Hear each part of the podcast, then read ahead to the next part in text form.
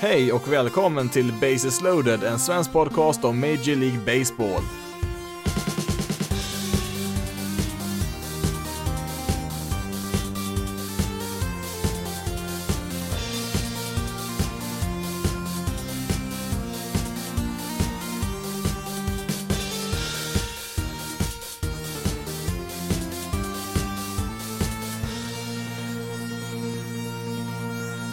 Hej och välkommen till veckans avsnitt av Bases loaded, en svensk podcast om Major League Baseball. Och i detta avsnitt så tänkte jag att jag ska summera säsongen för alla 30 lag på 30 minuter, alltså en minut per lag. Eh, ja, eh, plus minus några sekunder hit och dit. Det kan väl skilja sig lite grann mellan lagen där, men Ja, i runda slängar runt en minut per lag hade jag tänkt att gå igenom här, för vi har ju spelat lite drygt 20 matcher nu, de flesta lagen i alla fall, några har ju halkat efter då, men Eh, Eh, men i alla fall då så har vi spelat en tredjedel av den här säsongen eh, och eh, det innebär ju att vi har 40 matcher kvar och divisionerna de börjar väl stabilisera sig lite grann här. Det är långt ifrån avgjort såklart och det är många lag som fortfarande har chansen men vi börjar ju se några lag dra ifrån i toppen och några som kanske tappar lite väl mycket här nu så att jag tänkte det passar bra här vid en, ja, så vid en tredjedel av säsongen här att kort summera hur det ligger till i samtliga lag här så det blir väl inte en blixtgenomgång kan vi säga. Det är lika bra vi kör igång direkt här och eh, börjar med Baltimore Orioles. 12-8 är de så här långt på säsongen, endast två matcher bakom Yankees i divisionen. Det hade nog ingen räknat med innan säsongen började, att de skulle vara så nära toppen där eh, så här långt in på säsongen. Eh, Eh, de har ju framförallt varit stekheta offensivt. Eh, åtta utav deras tio slagmän med regelbunden speltid ligger ju långt över snittet i offensiv produktion. Eh, tyvärr så är inte Chris Davis en av dem, deras bäst betalda spelare. Han har ju fortsatt varit helt bedrövlig som han varit de senaste två, tre åren här. Han har en slashline på 1.36, 1.91, 2.05 så att han fortsätter väl att vara ligans mest överbetalda spelare även i år tyvärr då för Orioles. Eh, det är istället eh, Hansel Alberto framförallt som dominerat här och även Jose Iglesias som eh, främst har varit en defensiv shortstop som haft ganska svårt offensivt i tidigare karriären. Han var ju till och med lite småskadad här för ett tag sedan, så att de satte in honom som designated hitter bara för att vila honom, men ändå ha kvar hans slagträ där i deras lineup för han varit så het offensivt så att Ja, frågan är hur länge det här kan hålla, men ja, än så länge så är det kul att kolla, kolla på Orioles i alla fall. New York Yankees eh, leder ju då som sagt divisionen med ett record på 14-6. Däremot har man lite skadeproblem. På en vecka fick man ju sätta Stanton, Judge och LeMayo på deras injured list. Eh, det är mycket som är annorlunda det här året, men är det någonting som är likt eh, från 2019 så ja, då är det väl kanske då Yankees injured list som börjar bli lite trång där nu. Eh, Yankees har ju lett eh, ligan tidigt här ganska överlägset i VRC+, eh, så att offensiven har det inte varit något fel på, men det är ju deras tre bästa offensiva spelare som försvinner här ur deras lineup. Nu ska väl Gert och inte vara borta speciellt länge här, men ja, vi får se hur det går där.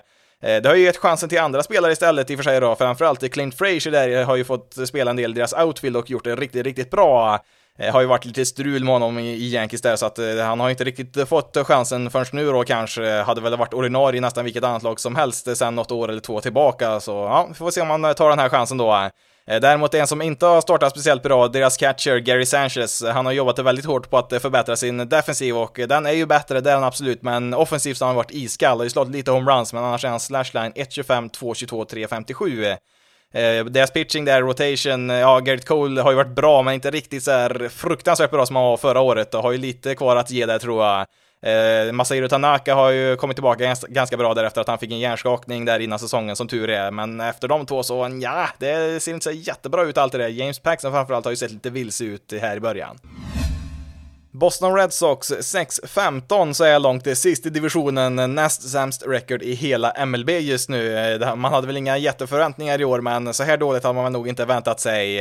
Eh, jag slog upp eh, ordet dålig på synonymer.se och då fick jag fram de här orden oduglig, svag, taskig, skröplig, knagglig, knackig, risig, kryckig, dassig, usel, underhaltig, underkänd, mindervärdig, förkastlig, oschysst, klandervärd, pjåkig, Ja, och en hel del andra ord där. Det är väl ungefär det man kan beskriva Red Sox pitching med som har varit eh, helt, eh, ja, eh, Visst, det är inte lätt när man tappar fyra utav fem starting pitchers från förra året.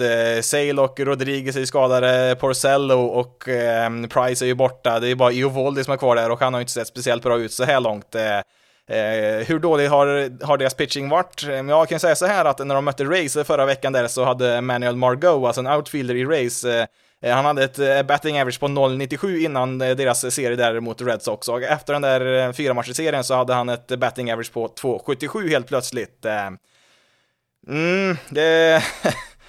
Nej, det är dystert här. Det, det lutar väl åt att det blir ett högt draftval i alla fall, så det finns det väl, finns det någonting att glädja sig åt för Red Sox är väl att det, man kommer komma högt upp i draftordningen nästa år. Toronto Blue Jays, eh, 7-9 på säsongen så är långt. Eh, de hänger väl med där lite grann i bakgrunden, men eh, ja, de är inte riktigt där ännu. Jag är väl lite besviken på dem ändå. Hade väl hoppats på lite mer här, att de kunde överraska lite, men Ja, det, det, är väl ett år för tidigt som sagt. Det är väl nog kanske först nästa år som vi kanske får se dem göra lite mer väsen av sig här. Det är väl inte helt borta, men jag tror det blir svårt för dem att nå en wildcard-plats. Bobby Chet har ju varit riktigt, riktigt bra här. Nu gick, blev han i och för sig skadad här i knät där, ska väl inte vara något jättefarligt, men han blir ju borta ett tag. Eh, även även Teoscar Hernandez har varit riktigt bra där, har ju redan sju homeruns på säsongen. Eh, Vladimir Guerrero fortsätter ju trögt där. Eh, kryper ju åt rätt håll för honom här, men Ja, han har varit framförallt väldigt slarvig i sitt försvarsspel. Har ju sett flera tillfällen där när han, ja, han har slarvat bort en del bollar, så att det är väl möjligt att han kanske bäst Ja, att han blir en permanent designated hitter för att det, det är i slag att all hans potential sitter. Eh, Nate Pearson, eh, starting pitcher, har ju fått göra sin debut, eh, pratade jag om här senast. Hade ju en bra debut, men har ett par tuffa starter efter det. Jun Ryu, som är deras bästa pitcher i nuläget, har väl lite omvänt där. Han han inledde lite tungt där med ett par dåliga matcher och sen har det ju gått betydligt bättre, tillåtit bara en run på de två senaste matcherna. Tampa Bay Rays 12-19 på säsongen, eh, strax bakom Orioles här i divisionen på tredjeplatsen här.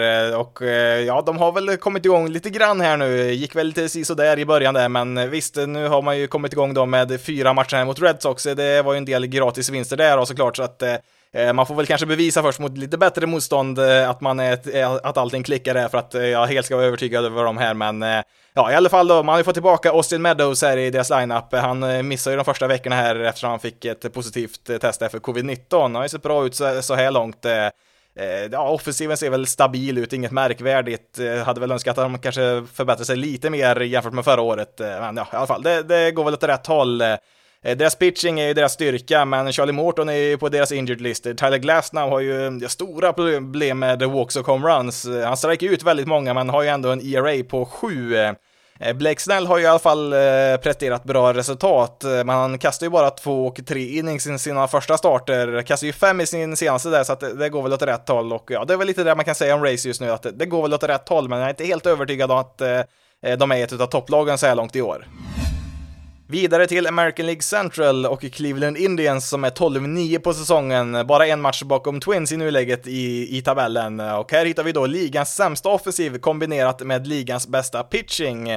Eh, ja, nu har man väl pussat till sina offensiva siffror lite grann här då mot eh, Detroit Tigers, där har man ju vunnit massa matcher mot det. Man har faktiskt vunnit 20 matcher i rad mot Tigers om man går tillbaka till början av förra året. Eh, Eh, de har ju sex stycken starter pitchers här som har en ERA på högst 3,6, eh, men nu har man ju blivit av här med Clevenger och eh, Plesac här, kommer vi prata mer om dem lite senare här. De, ja, de är väl i princip avstängda av laget själva efter vad de har sysslat med här på sistone. Kommer som sagt in på dem lite senare.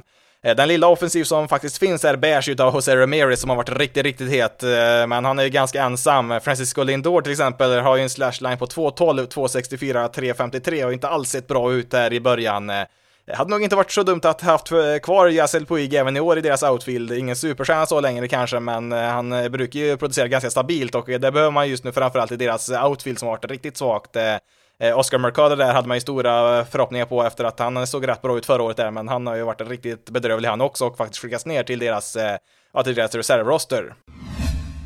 Kansas City Royals eh, 9-12 på säsongen, sist i divisionen. Eh, vet inte riktigt varför, men jag finner det här laget så fruktansvärt tråkigt. Inte bara för att de är dåliga nu, även när de var riktigt bra så hade jag väldigt svårt för att hitta intresse för det här laget. Men det är väl kanske bara mer en personlig reflektion här.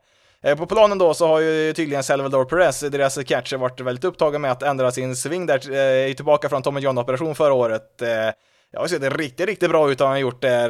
Det, det, är ju tidigt på säsongen här och pitchers eh, kanske behöver justera lite grann deras eh, eh, taktik mot honom där. Får vi se där om de ändringarna tar ner honom lite grann på jorden där. Men ja, så här långt har det sett riktigt bra ut. Eh, ja, finns det något intressant så är det väl eh, ja, Ryan McBroom, mest för namnet där. Han är ju inte direkt ordinarie kanske där, men han har enormt bra siffror. 37% strikeouts är väl kanske inte hållbart i längre, men ja, Ryan McBroom är ju ett eh, fint namn i alla fall här.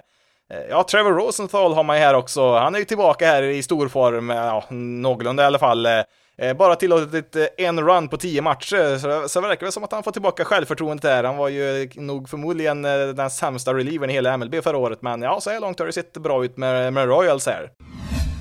Detroit Tigers 9-9 är deras record. Helt klart en eh, bättre inledning än vad man hade förväntat sig. Har väl kommit ner lite på jorden här nu. Cleveland vann ju massa matcher mot dem där, men man hade ju en eh, fyra matchers eh, winstreak där som tog upp dem ganska högt där i, i tabellen. Men det mest otroliga med Tigers i år, det är faktiskt att deras starting rotation på något sätt är sämre till och med än Red Sox. Och jag gick in på synonymer.se igen och kollade upp synonymer till urusel. Eh, då hittar vi mycket dålig, urdålig, miserabel, vissen, rutten, eländig, enbarmlig, eh, bedrövlig, hemsk, värdelös, undermålig, förkastlig, kass och botten. Tycker nog alla de där passar in på eh, Tigers rotation. Det finns väl egentligen ett undantag här, det är ju Spencer Turnbull som har kastat ganska bra, men utan honom så är deras övriga starters har ju en ERA sammanlagt på över 10 där någonstans tror jag, så det ser inte alls bra ut. Eh, men eh, det kanske är på väg att vända här, för nu har man faktiskt kallat upp Casey Mice och Tariq Skubal, två stycken eh, starting pitchers. Mice gick ju som nummer ett i draften 2018 och Skubal är även han ett högt rankat prospect. Det var väl just det som kunde vara intressanta med Tigers i år, man kallar upp sina bästa prospects och ja, nu kanske vi får se, får se dem resten av säsongen här i alla fall, även om man kanske inte nått i slutspel. Jag vill också flika in Jacoby Jones där, deras centerfielder. Han har ju varit, eh, ja, han har väl varit bättre än Mike Trout här faktiskt till och med. Det kommer nog inte fortsätta, men eh, ja, ett namn att ha lite koll på här fortsättningsvis också om han fortsätter så här bra. Minnesota Twins eh, har ett record på 13-8 och leder divisionen här utan att direkt imponera. Hade nog väntat mig lite mer från dem. De har ju fortsatt att slå massa homeruns, det har de gjort, men i övrigt så har det inte varit så här sprudlande offensiv som det var under förra året. Eh, nu har ju Josh Donaldson varit lite skadad, hans vad har ju börjat krånglat igen, eh, det har han gjort under flera år här, men även utan honom så ska man ju vara bättre än så här tycker jag offensivt. Eh, Nelson Cruz har ju däremot varit fortsatt riktigt, riktigt, riktigt bra, väl en 40 nu och han gör ju det han gör bäst, skickar upp bollarna upp på de övre etagen på läktarna. Däremot har man ju bättre än väntat på pitching-sidan där, inte från Jose Berrio som man kanske hade hoppats på, utan det är väl främst Kenta Maeda, nyförvärvet, och Randy Dobnak har varit riktigt bra. Eh, Dobnak var ju han som kom in där eh, i, i slutspelet eh, på Yankee Stadium där och blev mosad där, men så här långt i år så har han varit riktigt, riktigt bra. Två runs på 20 innings har han ju tillåtit. Ja, som sagt, det ser väl okej okay ut, men hade förväntat mig mer från Twins den här säsongen. Chicago White Sox 10-11 har ju varit lite av en besvikelse. Man är fortfarande med i matchen, absolut, men hade väntat mig lite mer från eh, White Sox i år här, även om, om de har ett ungt lag. Eh, deras rotation har väl haft lite problem. Eh, det rutinerade Dallas Keuchel har ju sett stabil ut, men annars så, ja, Lucas Julito är inte det ace som han var förra året och man behöver ju honom här om det ska gå, om det ska gå bra i år. Eh, på plussidan så har man istället då Louise Robert, eh, centerfieldern, deras rookie som eh, är väl en av storfavoriterna till att bli just årets rookie och han lever ju upp till hypen som inte av ligans bästa prospects. Man har även kallat upp Nick Madrigal på deras infield, nu blev han ju skadad nästan direkt där, men det är ett annat intressant namn att ha koll på här. Eh, lite mindre bra på, på offensiven här har vi ju Jasmine Grandal, deras stora nyförvärv här under vintern. Deras catcher har inte, det har inte varit någon katastrof, man har inte varit bra heller.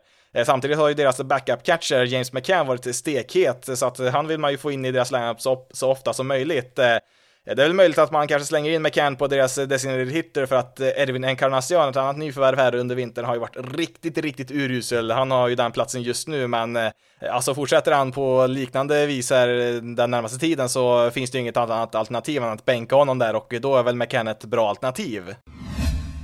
American League West och vi börjar med Houston Astros som är 10 och 10 på säsongen här. Har ju en liten lucka upp nu till Oakland i toppen av divisionen och det har ju varit lite strul med deras pitchers framförallt. Eh, Justin Verlander och Roberto Osuna är ju skadade och kanske inte får kasta alls något mer i år. Jose Urquidy som startade i slutspelet förra året och gjorde det riktigt bra. Han har inte kastat en enda match än på grund av eh, Ja, det är ingen som vet riktigt. I alla fall inte offentligt har det inte sagt någon anledning. Eh, man har faktiskt använt eh, 18 stycken relief pitchers redan. Eh, det är en riktig B-uppställning man har fått rulla ut där stundtals bland deras pitchers och trots det så har man inte gjort bort sig här. Man har ändå hållit sig över ytan här och är ju med där. Får vi se om det är hållbart i längden. Eh, efter signstealing-skandalen här så har man ju haft extra koll på de här spelarna, framförallt som var med 2017 när fusket var som eh, störst där och eh, kollar vi på de spelarna, Correa, Bregman och eh, Josh Reddick där så har ju de spelat väldigt bra. Josh Springer har väl spelat acceptabelt kanske, men eh, den stora storyn är ju Jose Altuve som har varit riktigt, riktigt dålig så här långt. Han är faktiskt nedflyttad till sjunde plats i slagordningen var han en någon match. Det har han inte varit på många, många år. Eh, han har en slashline på 1.84, 2.53, 3.10, men ja, även om Altuve då har eh, spelat dåligt så visar ju de andra att eh, det är bra slagmän här även när man inte fuskar i regel då. Jag kan även flika in här att Alex Intron, deras sitting coach där som retade upp Roman Loriana här för ett tag sedan, han har ju fått sin avstängning nu, han åkte på 20 matcher. Den största avstängningen någonsin för en coach i en match, så att ja, man tog i med hårdhandskarna där med Sintron där, vilket är bra, man kan inte ha en en hitting coach som håller på som han gjorde där, men ja, eh, det får räcka om Astros.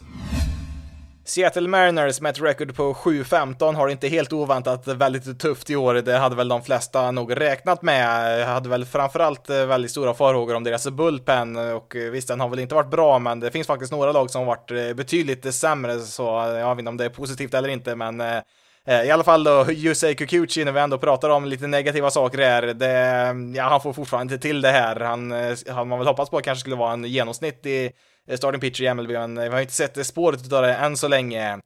Någonting bra, det är ju däremot Kyle Lewis. Han har ju haft en fantastisk start där i centerfield, har en VRC plus på 147 och ja, det är ju han och Louis Robert då i White Sox som slåss om Eh, titeln som årets rookie ser ut just nu här i American League. Lite mycket strikeouts har han än så länge, men eh, det ser väl ändå lovande ut inför framtiden där.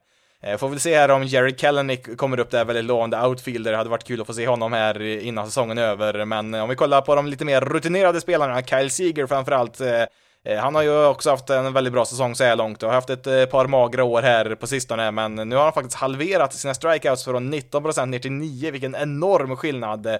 Jag har inte ens varit i närheten av de där siffrorna i resten av sin karriär där, så får vi se här. Han kanske har lite, lite grann kvar att ge här innan karriären är över.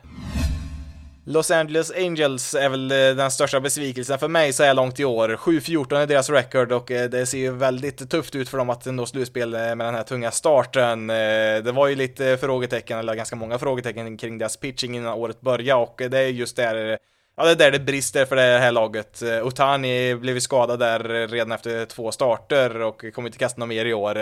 Eh, Julio Terran där som han värvade in, eh, han har ju varit så väldigt stabil i sin karriär men har inte alls startat bra här med Angels. Han har inte ens kommit ut den fjärde inningen på de tre matcherna han har startat. Bara åtta innings på de där tre matcherna, 13 runs har han tillåtit. Eh, Dylan Bundy däremot är en oväntad succé, succé annat eh, nyförvärv här. Före detta topprospect är han ju, men eh, har ju haft mycket skador i karriären som förhindrat honom. Har en ERA på 1,5 här efter fyra matcher och hade en complete game shutout här, visserligen då mot Mariners då, men det, det är ändå imponerande.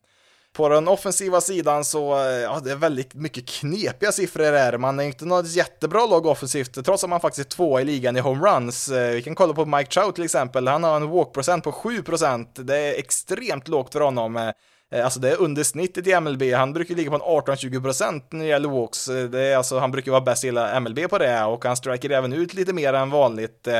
Däremot så har han ju slagit för mer styrka, så han drar iväg mycket mer homeruns än tidigare, så det gör att han, ja, han tillhör de bästa offensiva spelarna ändå då, men eh, väldigt eh, skum säsong för Trout jämfört med vad man gjort tidigare. Även Anthony Rendon, där nyföret, har ju eh, Ja, han har också en väldigt skum slashline får ju säga. Han har en slashline på 2.03, 4.20, 5.42. Alltså han har ett betting average på knappt 200, men när han väl träffar bollen så, ja, då har det ofta varit homeruns och han tar ju extremt mycket walks, så att trots det så eh, har han en VRC plus på 161 och mm, Ja, jag vet inte. Det är, det är ett underligt lag i år, men tyvärr så tror jag nog inte vi får se dem i något slutspel i år som det ser ut just nu. Oakland Ace leder divisionen med ett record på 15-7 och måste ju ses som stor favorit till att vinna divisionen nu. Har ju fyra matcher ner till Rangers och Astros är bakom dem. Ser ju riktigt bra ut här. Hade ju en bra helg här mot Giants när man kom tillbaka två gånger om där i i nionde inningen där, hade en grand slam där från Steven Pescati där som eh, vände helt en match där, men eh, ja, i alla fall eh, eh, det är väl egentligen bara två slagmän här som underpresterar. Marcus Semien eh, i ett kontraktsår, han är ju free agent här nu till vintern och även då Chris Davis som eh, Ja, det är nog dags att officiellt vara orolig för hans karriär här. Alltså, han var ju en spelare som slog 40 plus homeruns tre år i rad. Han hade ju en del brister i sitt spel, absolut, men han hade ju sin styrka där som han kunde veva iväg massa bollar, men nu har han inte styrkan heller, så att eh, det har gjort att han är fullständigt bedrövlig just nu på planen tyvärr. Eh, deras pitching, ja deras starting pitching bjuder ju på väldigt eh, höga toppar och djupa dalar får vi säga. Det, det är väldigt blandade resultat där, men man räddas väl lite grann också av sin bullpen. Det är egentligen bara Dodgers som rent statistiskt sett haft en bättre bullpen än Ace så här långt, så att det, det, är klart att det hjälper en del när deras rotation kanske inte riktigt presterar på topp. Eh, till sist ska vi nämna Roman Loriana som även han då fått sin avstängning då efter bråket där mot Astros. Han fick ju först sex matchers avstängning, men det blev sen eh, förkortat då till fyra matchers avstängning för honom. Texas Rangers eh, har ett record på 10-9 så här långt och kollar vi vilken starting pitcher som har bäst ERA i hela MLB så här långt, då är det inte Shane Bieber, inte Sonny Gray och inte heller Twins Randy Dobnak med sin succéstart. Det är faktiskt Rangers Lance Lynn som har en ERA på 1,11. Eh, kanske mest imponerande ändå, det är att eh, Lynn faktiskt kastar alla nio innings i en match här som, ja visst, det är ju ovanligt i sig att en eh, pitcher kastar en hel match, men att han eh, dessutom gjorde det på Coors Field i Colorado, det gör det ännu mer imponerande, så att eh, där har man absolut något eh, positivt eh, för Rangers del. Däremot så är det fruktansvärt tafatt offensivt. Cardinals har ju såklart minst homeruns eftersom de har spelat så mycket färre matcher, men sen är det Rangers som är sämst i MLB med bara 16 stycken. Eh, man har väl egentligen bara en eh, starkt lysande stjärna offensivt så här långt och det är ju veteranen Todd Frazier som har varit riktigt bra här inledningsvis. Annars så ser det väldigt, väldigt tunt ut. Eh, Joey Gell, som ska vara den stora offensiva stjärnan har ju inte gjort, ja han har spelat okej okay, men inte mer än så. Till och med Jeff Mathis har ju presterat bättre än många spelare här och det säger ju en hel del med tanke på att han är ja, en av de sämsta offensiva spelarna genom tiderna. Eh, det, jag har svårt att placera det här laget. De, de hänger med där lite grann, men eh, jag vet inte riktigt eh, vad man ska tro om det här laget. Jag vet inte om de är bra, jag vet inte om de är dåliga, jag vet inte om de är mitt emellan heller, men ja, de hänger väl med som sagt så här långt i alla fall.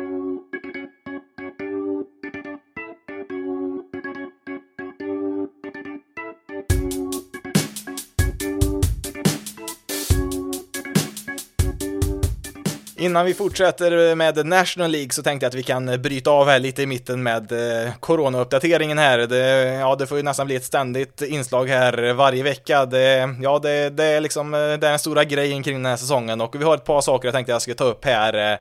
Eh, först och främst så tänkte jag prata lite om Cincinnati Reds, för att det var ju så här att i lördag så skulle ju Cardinals börja spela igen sina matcher och det såg ju som att det skulle bli första gången Eh, ja, sen första helgen utav eh, säsongen som alla lag skulle spela matcher samma dag. Eh, men då kom det ju ett positivt test igen här då och det var just Reds då som drabbades. Det var en spelare som tydligen testat positivt. Vi vet inte vem det är, men det ska som tur är bara vara en person i hela Reds som ska vara drabbad, vad vi vet just nu. Eh, såklart då så ställdes ju alla matcher in där under helgen och även eh, måndag, tisdag Jag ska väl spela en eh, double header istället här på onsdag är väl tanken som det ser ut just nu om det inte kommer något mer positivt test. Det, det, har ju sett ut att det går lite åt rätt håll ändå när det gäller positiva tester. Det var ju väldigt många där ett tag då med framförallt Marlins då och även då Cardinals, men nu har det lugnat ner sig här ett tag. Det var ju synd att det kom ett för Reds här, för det hade varit kul om vi kunde få alla lag i spel här igen, men vi får vänta någon dag till här. Eh, har väl inte så mycket mer info om det egentligen, utan det, det, vi vet inte vem det är och eh, som det ser ut så um, verkar inte vara något stort utbrott det rör sig om heller, utan det verkar bara vara en person som är drabbad där i nuläget. Som jag nämnde förut så skulle jag prata lite mer om Zach Plesac och Mike Clevenger, två stycken starting pitchers för Cleveland Indians och jag tror jag nämnde i alla fall Zach Plesac i förra avsnittet, det är jag rätt säker på. Eh, han eh, åkte nämligen fast där för att han eh, hade smitit ut från hotellet där och gått ut och ätit någon middag med lite kompisar där på, på stan där i Chicago någonstans och Ja, det, det slutar ju inte där. Det hann ju hända både en och två saker till där innan allt kom fram och det var ju nämligen så här att efter att Plisak åkte fast för det här, alltså, de, när man är på bortamatch framförallt, då ska man i princip sitta i sitt hotellrum, eller ja, i alla fall vara i hotellet och försöka komma i kontakt med så få personer som möjligt. Eh, I alla fall då så blev han ju påkommen för det här och att han bryter mot reglerna och eh, fick ju sätta sig i en hyrbil hem till Cleveland eh, och efter det då så hade man ju ett lagmöte där bland annat Mike Clevenger då försvarade Plisak där och talade för honom där och Ja, det kom ut att även Clevenger var med på den där middagen till slut. Det var bara Plisak som hade blivit påkommen där just, just när det hände, men Clevenger, ja, han var också med där minsann och Eh, ja, alltså det här är så dåligt på så många nivåer. Alltså först och främst är det mest tydliga att bryta mot reglerna, att eh, liksom eh, gå ut på stan och liksom äta på restaurang och sådär också, umgås med massa folk utanför laget. Det, nej, alltså man får göra vissa uppoffringar i sådana här tider, så, så är det bara. Det är bara oansvarigt att göra som de gjorde här. Ja, steg två i det här, alltså Plisak åker fast och Clevenger, nej, han erkänner ju inte utan han försöker ju smyga undan men åker fast ändå till slut. Eh, och eh, ja, Plisek då som sagt, han skickades ju hem, han fick ju köra hem själv där och det, det är ju dels då en bestraffning för att han bröt mot reglerna, men det är också att han måste isoleras nu och testas att han verkligen inte dragit på sig viruset här nu. Eh, det är liksom eh, halva grejen här och alltså innan Clevenger blev påkommen, då hade ju han liksom flugit tillbaka på samma flygplan då som resten av laget till Cleveland, så Alltså då utsätter han ju resten av laget för, för en risk för att han har agerat oansvarigt och brutit mot reglerna och så.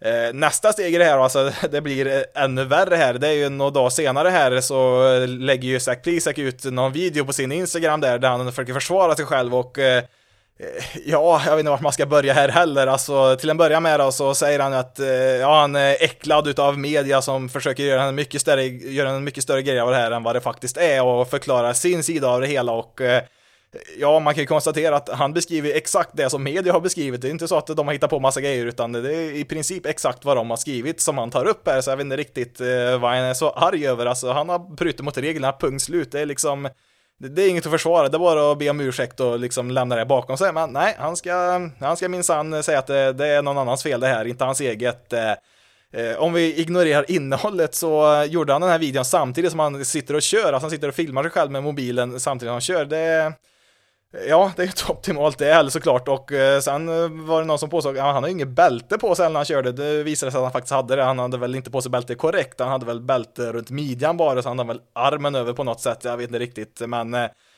nej, det var ingen. Det har inte varit någon bra vecka här för Zack Plisak i alla fall, inte Mike Clevenger för den delen heller och Eh, efter att eh, de kom tillbaka där till Cleveland och eh, skulle åka vidare till Detroit då för att spela nästa serie där så mm, ja, då fick ju Clevenger och Plisak då komma tillbaka till laget där och då hade man ett lagmöte igen då för att diskutera det här och Ja, Plisak och Clevenger, de förväntar sig väl att, ja, de får väl be om ursäkt där och berätta lite om sin sida där och så och sen få vara med där igen, men Riktigt så blev det ju inte. Det var tydligen en riktigt het stämning där. Det var en del spelare som hotade med att lämna laget och inte spela något mer alls i år om eh, Plisak och Clevenger tilläts att eh, komma med i laget här under den här matchserien. Så, eh, ja, då gjorde Indiens något ganska överraskande här faktiskt. De skickade ner både Plisak och Clevenger till deras reservroster, alltså det motsvarande då att bli nedskickad till AAA då under en vanlig säsong och det här är ju Alltså det här är ju två riktigt, riktigt bra starting pitchers här. Nu har ju Indiens många andra duktiga pitchers, så att det är inte så att de eh, eh har någon jättebrist eh, på den positionen, men det är ändå liksom två spelare som man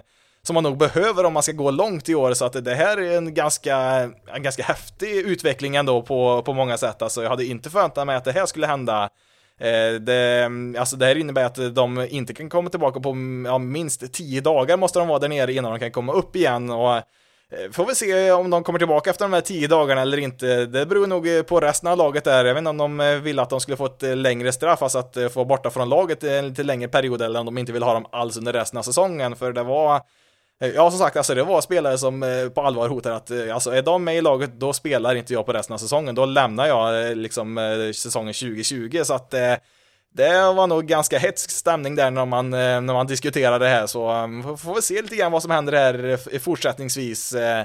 Det finns ju också vissa konsekvenser här för deras service time, för att när man är nedskickad i, i ett minor League-system eller på deras reservroster som det är i år, så ja, då får man ju ingen service time. Det får man ju bara om man är med i MLB-laget och service time, ja, det är ju det som avgör när man blir en free agent. När man samlar på sig sex år av service time så blir man en free agent efterkommande vinter och Alltså är de kvar där nere tillräckligt länge, det betyder att deras free agency skjuts fram ytterligare ett år och det kan de förlora ganska mycket pengar på. Som sagt, vi får se eh, hur länge de har tänkt att hålla dem nere där, men ja, blir de kvar där resten av året, eh, ja det blir en ganska stor ekonomisk smäll för båda de här två. Med andra ord så har ju Mike Levenger och Zach Blisak verkligen ställt till det för sig själva här, ja även för Indiens här också som blir ett sämre lag utan dem, det blir de ju absolut, men samtidigt så har ju Indiens visat att de är ju inte rädda att ta i med hårdhandskarna här och det blir väl lite en signal även till de andra spelarna i de andra lagen också att eh, kan Indiens eh, göra det här, ja då kan ju de andra lagen också vara lika hårda om någon bryter mot reglerna, så att det är väl kanske något positivt där som får andra att tänka kanske både en och två gånger till innan de gör något, eh, ja, potentiellt oansvarigt. Ehm, det, alltså, Ja, det är svårt att inte skratta åt situationen samtidigt som det är ganska allvarligt också. Alltså de här reglerna finns ju av en anledning, eh, även om man eh, tycker att det är tråkigt att inte få göra som man brukar göra under vanliga år, så när man är så välavlönad som de här spelarna faktiskt är, då får man helt enkelt eh, finna sig i att det, det finns vissa regler som är hårdare än vanligt. Det är, eh, alltså så, så är det bara. Det är liksom, det, de här reglerna är ju till för att man ska kunna slutföra säsongen. Det är liksom, eh, det, det finns inte så mycket att diskutera här när det gäller den saken. Samtidigt så, ja, det går inte att undvika det humoristiska i det hela heller. Det är, det är underhållning på hög nivå, även om det är så väldigt oansvarigt och eh, potentiellt eh, eh riskfyllt det de har gjort här, men eh, ja, eh, vi får väl se vad nästa steg i den här soppan blir. Vi får väl se om de återvänder först och främst under den här säsongen. Jag skulle nog gissa på att de kommer komma tillbaka någon gång senare i år. Om de, ja, skulle de totalt eh, ramla ur slutspelsracet, då kanske man håller dem nere där. Men är man med där i slutspelsracet och eh, behöver dem där inför slutspelet, då är det mycket svårt att tro att man kommer hålla ner dem där eh, resten av säsongen.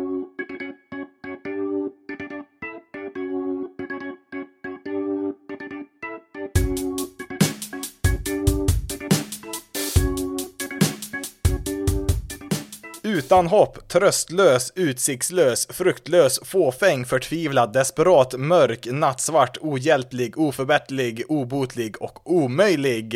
Ja, jag lovar det är sista gången jag ska ta upp massa synonymer här i avsnittet, men eh, Ja, det är synonymer för ordet hopplös och eh, det är just det man kan beskriva Phillies Bullpen med, ett lag som har ett record på 7-9. Eh, ja, så Phyllis Bullpen hade ju en ERA som var, ja den var över 10 där en kort sväng, har gått ner något sedan dess och ehm, Ja, det finns väl ingen ledning som är säker med Phyllis Bullpen i år.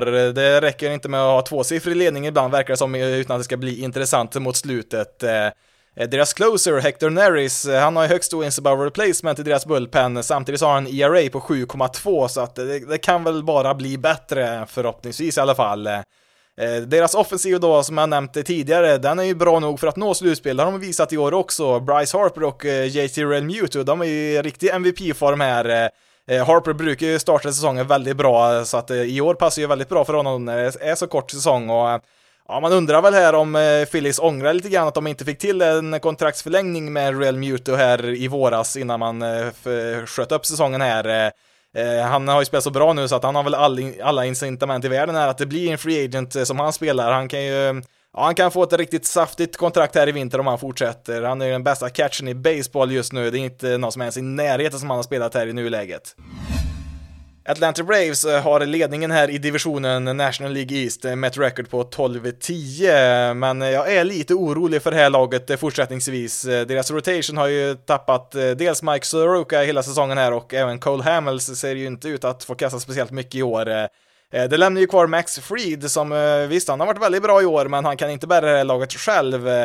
Eh, är det något lag som jag tror måste göra en förstärkning här innan trade deadline här om ett eh, par veckor så är det just the Braves. De måste få in en starting pitcher till här om de ska kunna gå hela vägen. Eh, det har redan varit lite skador på Acuna och Albis här nu på sistone. Inte så allvarliga då, men det var lite tunt där offensivt redan med dem i slagordningen här.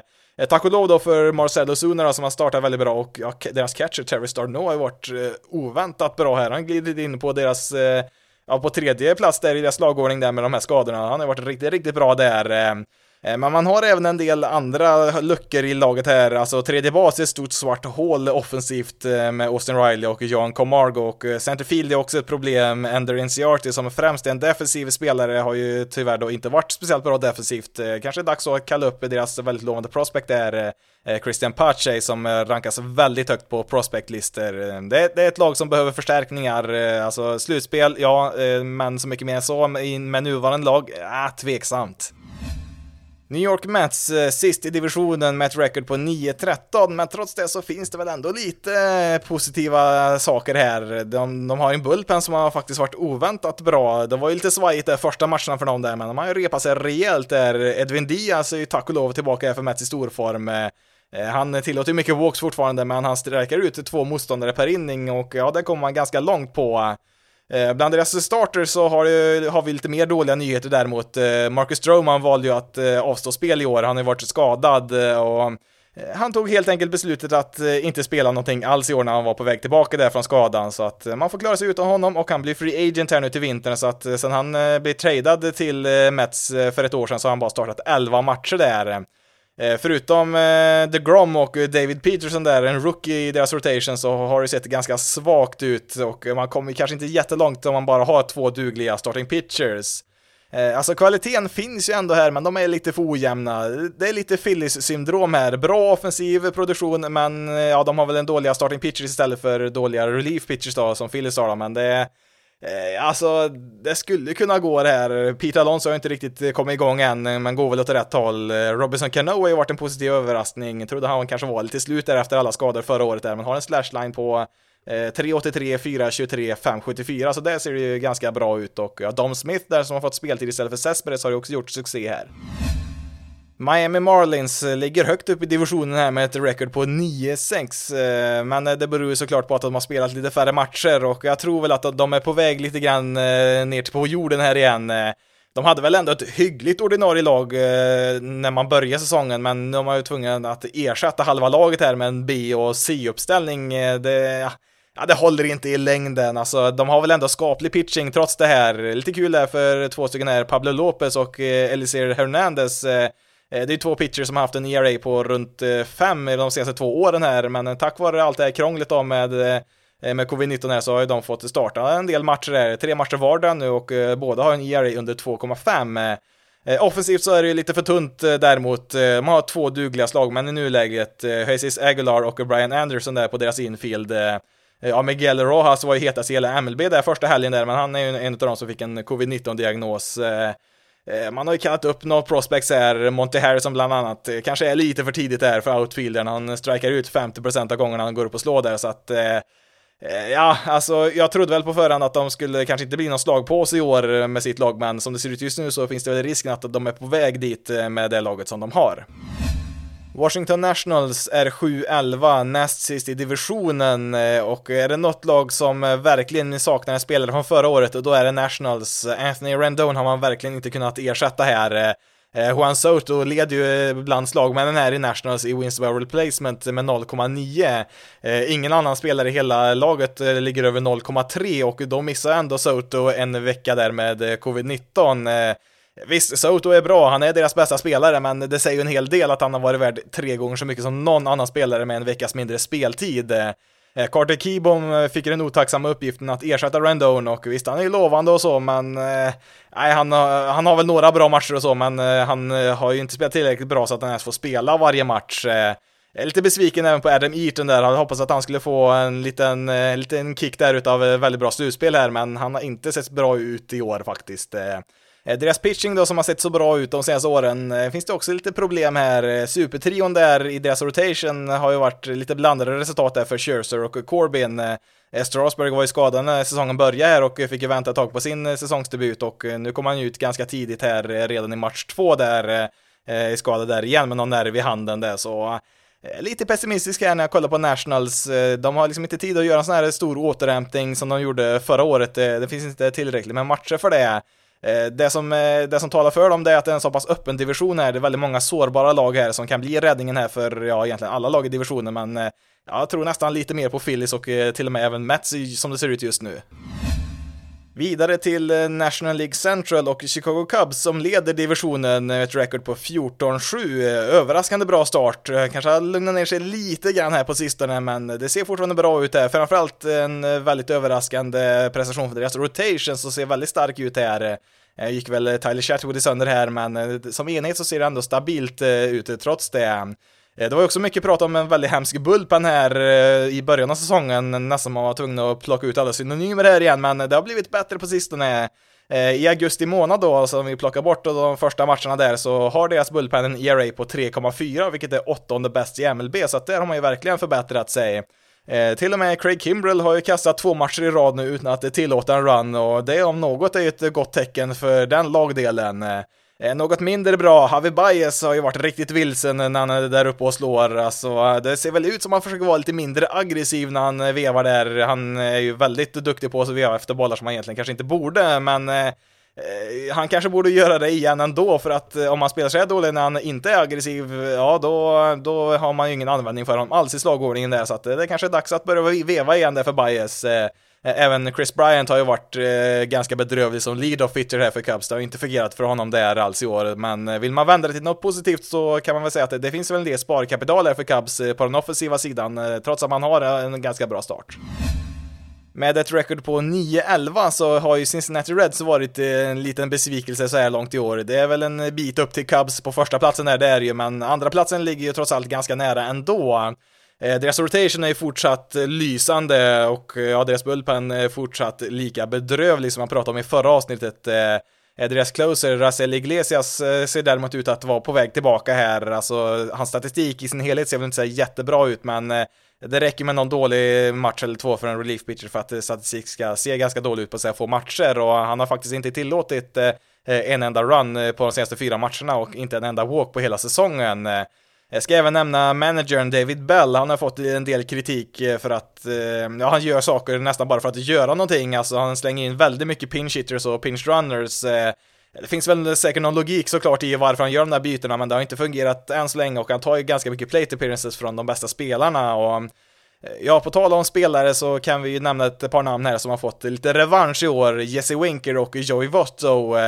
Eh, Winker då först, eh, han börjar började ju väldigt segt i år, det var ju många som ville skicka ner honom till deras reservroster, men senaste veckan här så har han kanske varit ligans bästa spelare, han har varit stekhet här, så det, det, kan ju vända snabbt, kan det göra, och Joey Votto då som hade det väldigt tufft förra året, har ju kommit tillbaka här och spelat ganska bra, inte på MVP-nivå som han gjort det tidigare, men bättre än kanske man hade förväntat sig, så att Eh, det finns väl några positiva saker där såklart i Red som jag tror fortfarande har chansen att eh, göra, ha en väldigt bra säsong i år. Någon måste ju alltid vara sämst och eh, det är ju faktiskt Pirates med ett record på 4-14. Lovar ju att inte använda några mer synonymer här igen, men det borde man väl nästan göra här för Pirates. De Ja, jag hittar inte riktigt orden för dem så att vi kanske inte ska säga någonting alls här egentligen. Eh, nej, men alltså de har använt 21 stycken relief pitchers som man slängt in eh, på den här korta säsongen, alltså det är liksom en ny för varje match i princip. Eh, Colin Moran är väl en av få som har presterat bra offensivt här, eller han har väl mest slagit homeruns, han har ju ett average på 2,26 och en on-base percentage under 300, vilket är väldigt dåligt båda två där, men ja, när han väl träffar bollen så hamnar han tydligen utanför arenan så att det är väl, eh, ja, det är väl något positivt där då, men eh, Alltså inte de unga spelarna heller har ju tagit något kliv framåt direkt så Cole Tucker och Brian Reynolds har inte gjort mycket. Mm, Josh Bell eh, har väl en, lite mer rutin än de två där, har ju inte spelat alls bra i år. Jag blir nästan deprimerad när jag tittar på det här laget. Det är väl till och med tråkigare än Royals och få saker i denna värld är ju tråkigare än Royals i min mening så att Eh, Eh, nej, ingen trodde väl att det skulle gå bra i år, men eh, ändå är man på något sätt besviken. Är det något positivt då så får man väl kanske räkna med att kanske få första valet i draften nästa år. Milwaukee Brewers har ett record på 9-10 och eh, är väl med där i toppen lite grann. De har väl en bit upp till Cubs då, men de är ju de är med som sagt här och jag vet inte riktigt vad man ska säga om det här laget alltså. De har en fruktansvärt eh, dålig offensiv just nu. Christian Jelic var ju urusel i början. Han har ju börjat komma igång här lite nu, men han har ju nog spelat bort sig från någon MVP-titel. Det kan vi nog inte räkna från honom i år, även om han spelar riktigt bra resten av året. Eh, det är liksom väldigt, väldigt tunt här just nu. Till och med Keston Hera som var riktigt het där i början har ju fått eh, komma in i en formsvacka här nu. Eh, deras starting rotation har vi sett, eh, ja, det är väl som jag sa för något annat lag, eh, det är höga toppar och djupa dalar, det är väldigt olika vad man får ut där. Eh, det, ja, det är inte helt oväntat deras bullpen som räddar laget här lite grann, eller ganska mycket. Det är Craig Council där, deras manager, han är ju väldigt bra på att krångla in relievers vid rätt tillfälle där och ja, har man Milwaukees bullpen så kanske man inte behöver eh, världens bästa rotation. Eh, det har man ju visat förut, så att eh, det, det finns väl lite hopp där, men Alltså de måste börja slå mycket bättre än vad de har gjort här. Alltså, jag var lite orolig innan säsongen att det, det kunde bli lite tufft i år med alla spelartapp, men riktigt så här illa hade jag nog inte trott att det skulle vara.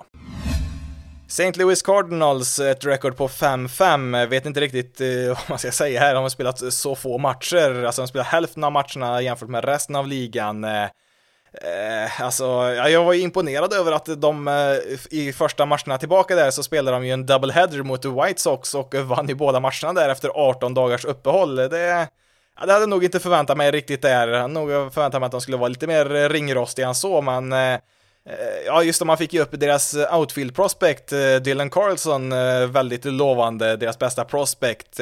Man pratar väl på att han troligtvis var redo när säsongen började att komma upp här, men ja, det var väl nog lite service time-grejer där och så, men nu är han med här i alla fall. Lite tråkigt för en, en, spelare också då som Jack Flaherty som var en av de största favoriterna till att bli, eller för att vinna Cy Young-titeln här i National League. Eh, även om man skulle spela klockrent eh, resten av säsongen så vet jag inte riktigt om man kommer starta tillräckligt med matcher för att eh, vinna titeln.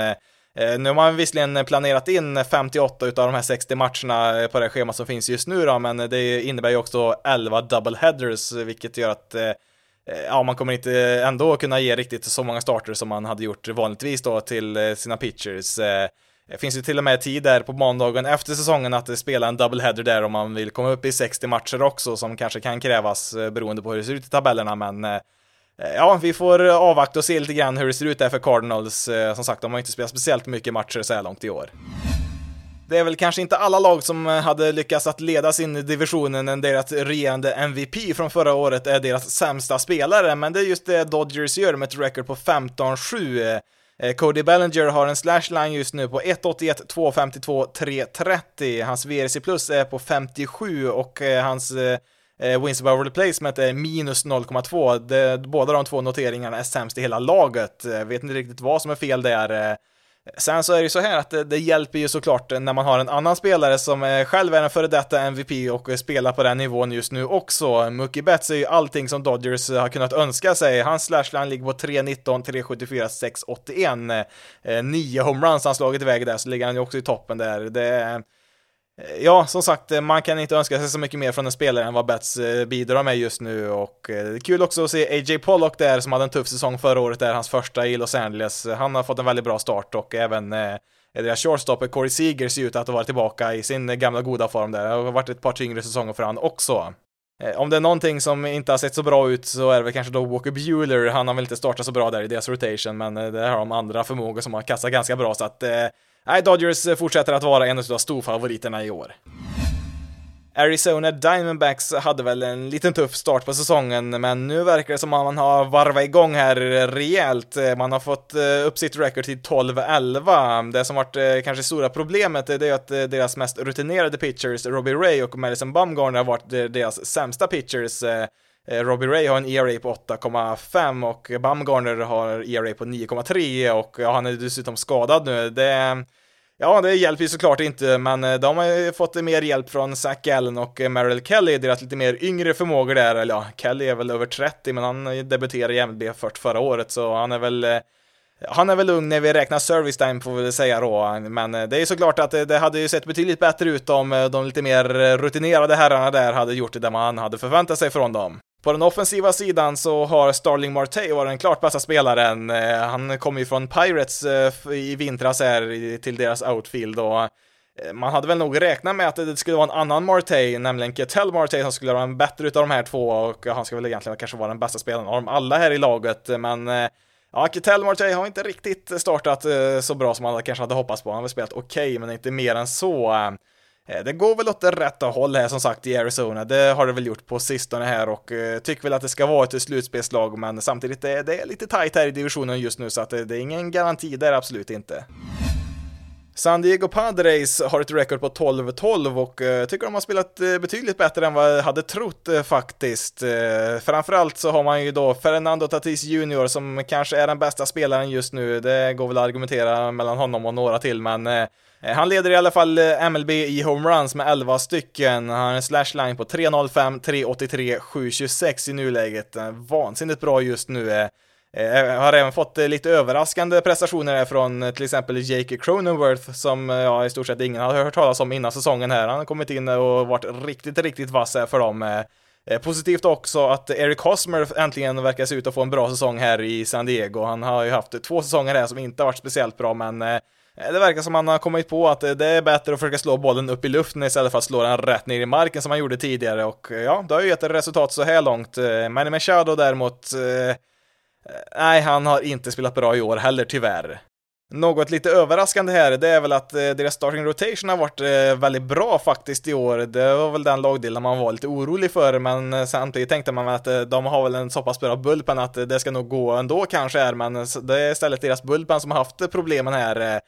Bland annat Kirby Yates, deras closer som varit suverän de senaste två åren. Han tvingades sin armbågsoperation där som gör att han missar resten av säsongen. Han undvek väl Tommy John-operationen i alla fall då, men Eh, väldigt tråkigt för både Padres och eh, för, framförallt för Kirby Yates då, som dessutom är free agent här nu till vintern. Eh, han har ju kommit igång ganska sent i karriären här så att det, har väl hans chans här nu i vinter att få sin, sitt stora kontrakt där men ja, vi får väl se. Det är kanske är någon som nappar ändå där trots den här skadan.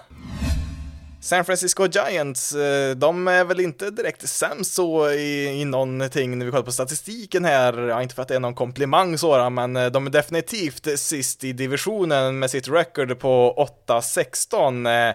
Eh, finns det något man är bäst på? Mm, ja, man kan väl kolla på listan när det gäller wins above replacement. Topp tre där i MLB just nu, där hittar vi Mookie Betts, Fernando Tatis Jr och en viss Mike Jastrzemski.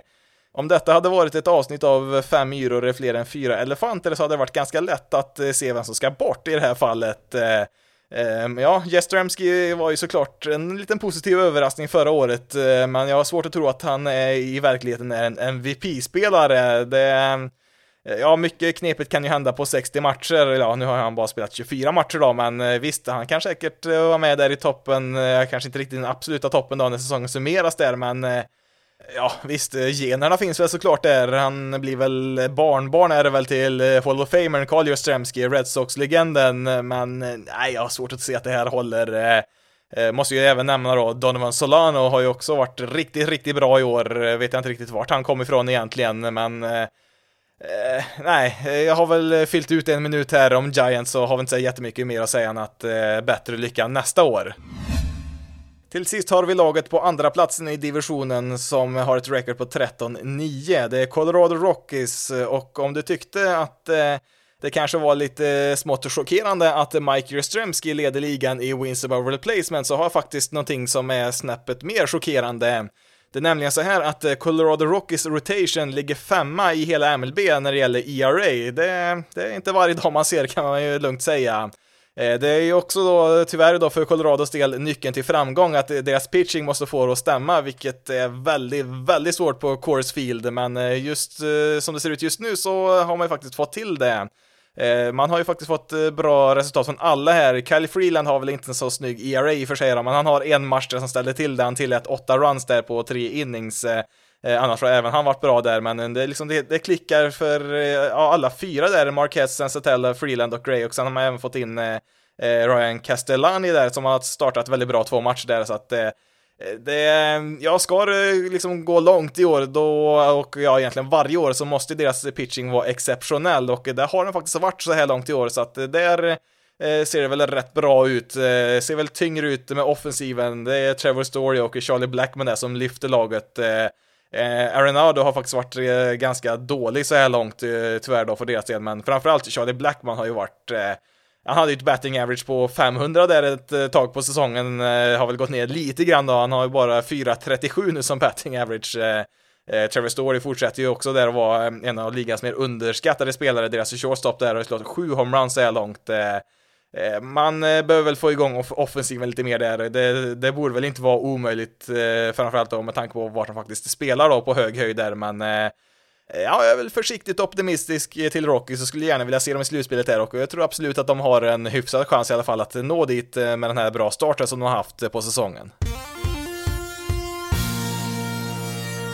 Då får det räcka här för veckans avsnitt. Eh, det fick som sagt bli en eh, riktig blixtgenomgång på hur det har sett ut i de olika lagen här under säsongen så här långt då, alltså en tredjedel av säsongen. Eh, det blev väl inte riktigt bara en minut när jag pratade om varje lag här, det blev väl nog närmare en och en halv minut på de flesta här, men det Ja, man tycker väl att eh, en minut hinner man väl säga ganska mycket på om man vill kort sammanfatta något, men eh, när man väl sitter där och vill eh, mata in massa information så ja, då går den där minuten ganska snabbt. Så Jag hoppas väl att ni har fått ut någonting utav det här i alla fall, att ni kanske fått en liten bättre koll på vad som händer runt omkring i ligan. Det är såklart mycket annat som har hänt också som inte får plats på den där dryga minuten, men ja, det är, det är väl en liten kort översikt i alla fall hur det ser ut i MLB just nu då, som sagt en dryg tredjedel in på säsongen. Eh, du kan följa Basis Loaded på Twitter, Facebook och Instagram. Du hittar upp Basisloaded SE. Du kan även eh, mejla till basisloadedse gmail.com. Du får även jättegärna sätta betyg på den här podcasten och skriva omdömen eh, i din podcastapp eller där du lyssnar på podcasts. Eh, men nu har jag pratat tillräckligt för idag. Mitt namn är Jonathan Fabri. Tack så jättemycket för att du har lyssnat på detta avsnitt av Basis Loaded. Ni får ha det så bra där ute så hörs vi i nästa avsnitt.